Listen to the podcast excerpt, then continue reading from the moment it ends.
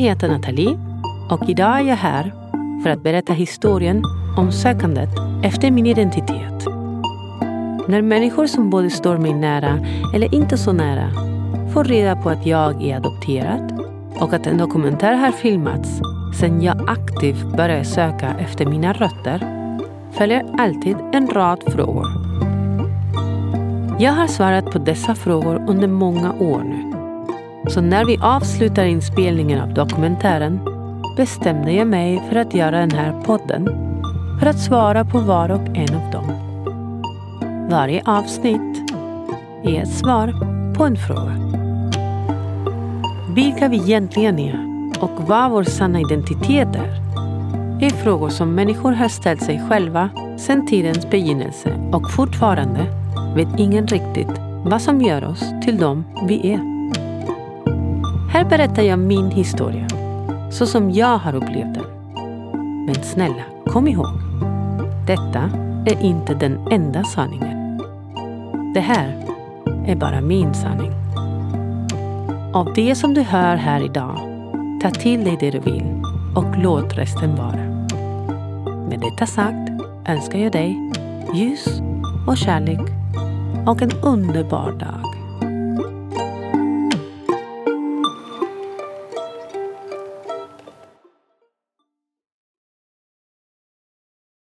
Kapitel 8 Mormödrarna på Plaza Mayo, del 3 Åren gick och som jag har berättat förut, efter min mammas död 2013, när jag hörde att en av hennes sista önskningar var att jag skulle hitta mina biologiska rötter eftersom vi alla trodde att jag var dotter till en försvunnen person, tog jag äntligen mod till mig att prata med min far och berätta att jag tänkte lämna DNA hos mormödrarna på Plaza Mayo.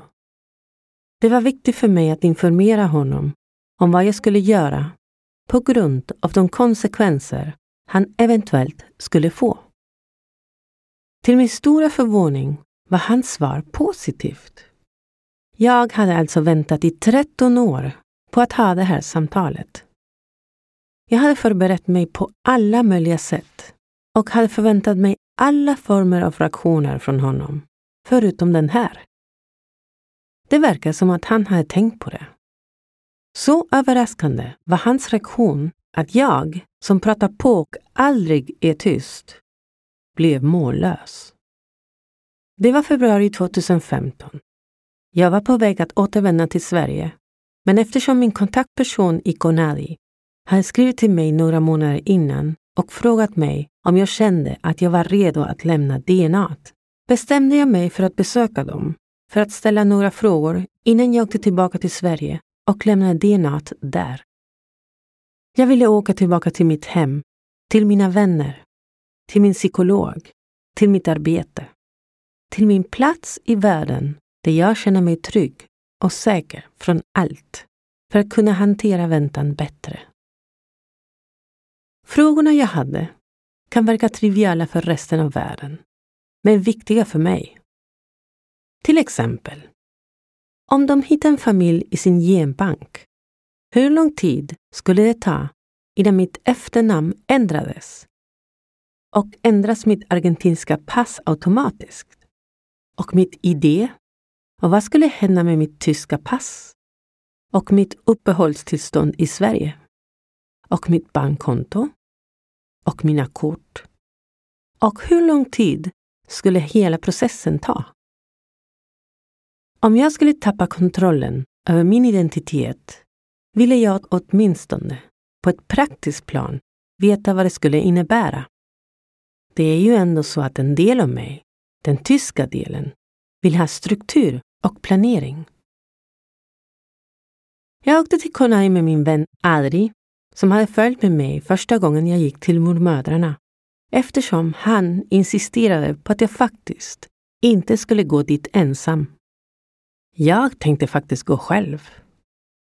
Tack och lov för de kloka vännerna som känner mig och vet att jag har svårt att be om hjälp och dyker upp ändå.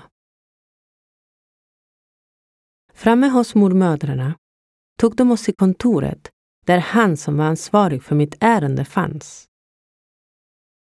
Allt började bra. Han har min akt öppen på sitt skrivbord. Jag minns inte hur samtalet började. Men jag berättade för honom att jag hade kommit för att ställa några sista frågor till honom. Jag sa till honom att jag skulle lämna DNA till Sverige. Och han svarade till mig. Varför inte lämna det nu?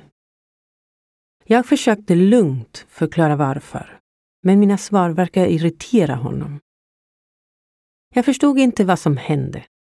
Men eftersom jag var så van att ge förklaringar i mitt liv, tålmodig och utan att bli upprörd, försökte jag vara tydlig och hålla mig lugn. När man bär på så mycket trauma inombords, i en värld som inte verkar förstå så mycket om det, är en av lösningarna att förklara nödvändigaste så att människorna runt omkring en, i avsaknad av förståelse, åtminstone lämnar en i fred och man kan fortsätta i fred med sina interna processer. Så när jag satt där den varma eftermiddagen på Gonadi-kontoret och såg hans irritation försökte jag lugnt förklara för honom varför jag inte skulle lämna DNA där och då. Men allt jag sa verkar irritera honom ännu mer. Till den grad att han började hota mig. Och eftersom jag inte lät mig övertygas och inte lät mig själv bli upprörd över vad han sa till mig avslutade han vårt möte med att stänga min mapp och säga Om du inte lämnar DNA nu kan jag inte garantera att vi inte kommer att tvinga dig att göra det.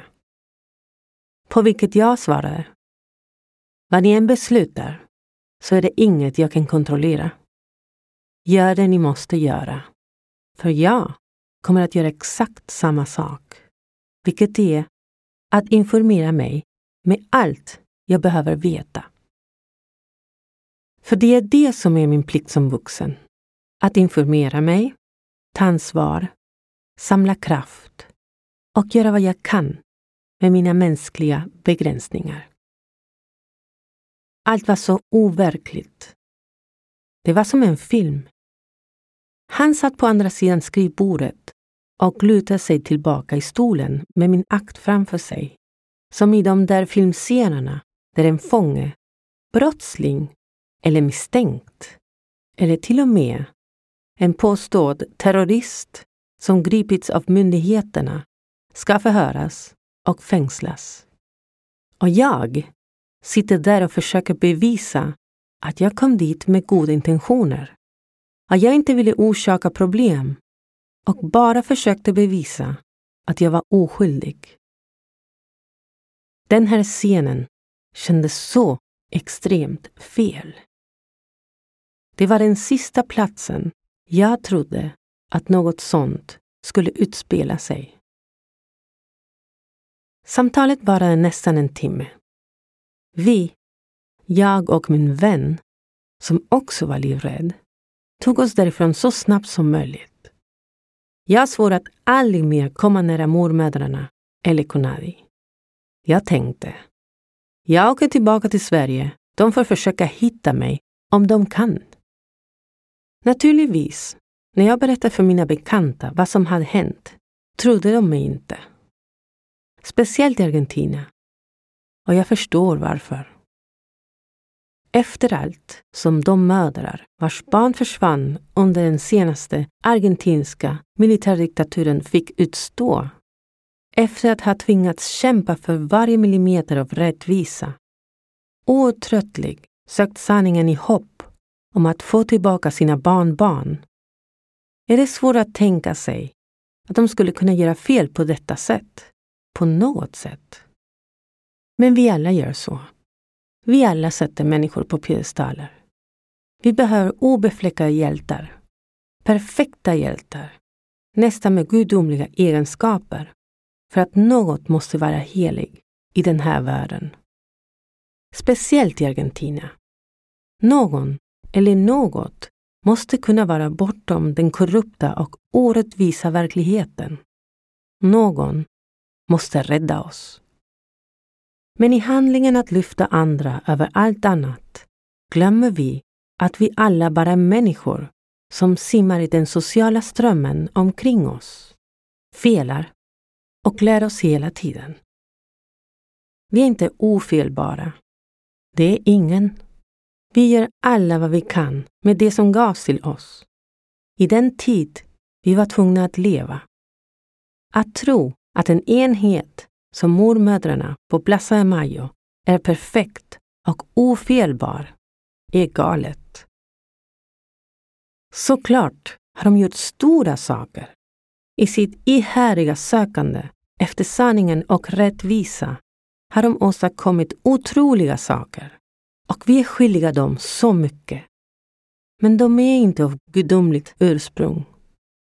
De är människor som alla andra. Lär sig, gör misstag, försöker. Som jag nämnde tidigare kontaktade det argentinska utrikesdepartementet mig i augusti 2015. Domaren sa åt mig att lämna DNA eftersom fallet hade blivit officiellt. Däremellan reste jag till Argentina för att det var min pappas 75-årsdag och jag ville vara med på festen.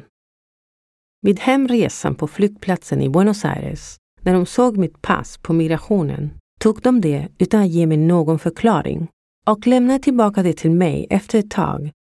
Också utan att ge mig någon förklaring. Och jag missade nästan planet tillbaka till Sverige. Till och med 2016, när jag redan hade lämnat DNA och återigen anlände till Argentina, höll migrationen mig i ett bakre rum tills de kunde kontakta domaren i mitt fall. I samma rum höll de en annan person som jag tror var misstänkt för att ha ett falskt pass. Ja, det stämmer. De höll mig i ett rum som en brottsling. Inom en timme, när de äntligen kunde prata med domaren, släppte de mig. Det var väldigt svårt att inte känna sig som ett föremål under alla dessa år. Bevisbärande föremål. Ett föremål som stals i ett tillstånd av total sårbarhet. Ett föremål som såldes till en familj. Ett föremål som bara skulle känna tacksamhet för att ha vuxit upp i den familjen. Ett objekt som var tvungen att ge upp sin identitet i ett lands rättvisa namn för att hitta sin andra väldigt efterlängtade identitet. Nyheten att de inte har hittat en släkting i mormödrarnas genbank fick jag inte personligen. De skickade mig ett mejl onsdagen före påsk. I mejlet stod det varken ja eller nej, bara att resultatet hade kommit. Jag fick vänta till måndag för att få det. Ångesten jag fick hantera i dessa fyra dagar var outhärdlig. När jag ringde domaren på måndagen svarade hans sekreterare mig. Vadå? Har jag inte skickat det till dig? Resultatet är negativt. Och då förklarade han att de i princip skulle sluta leta.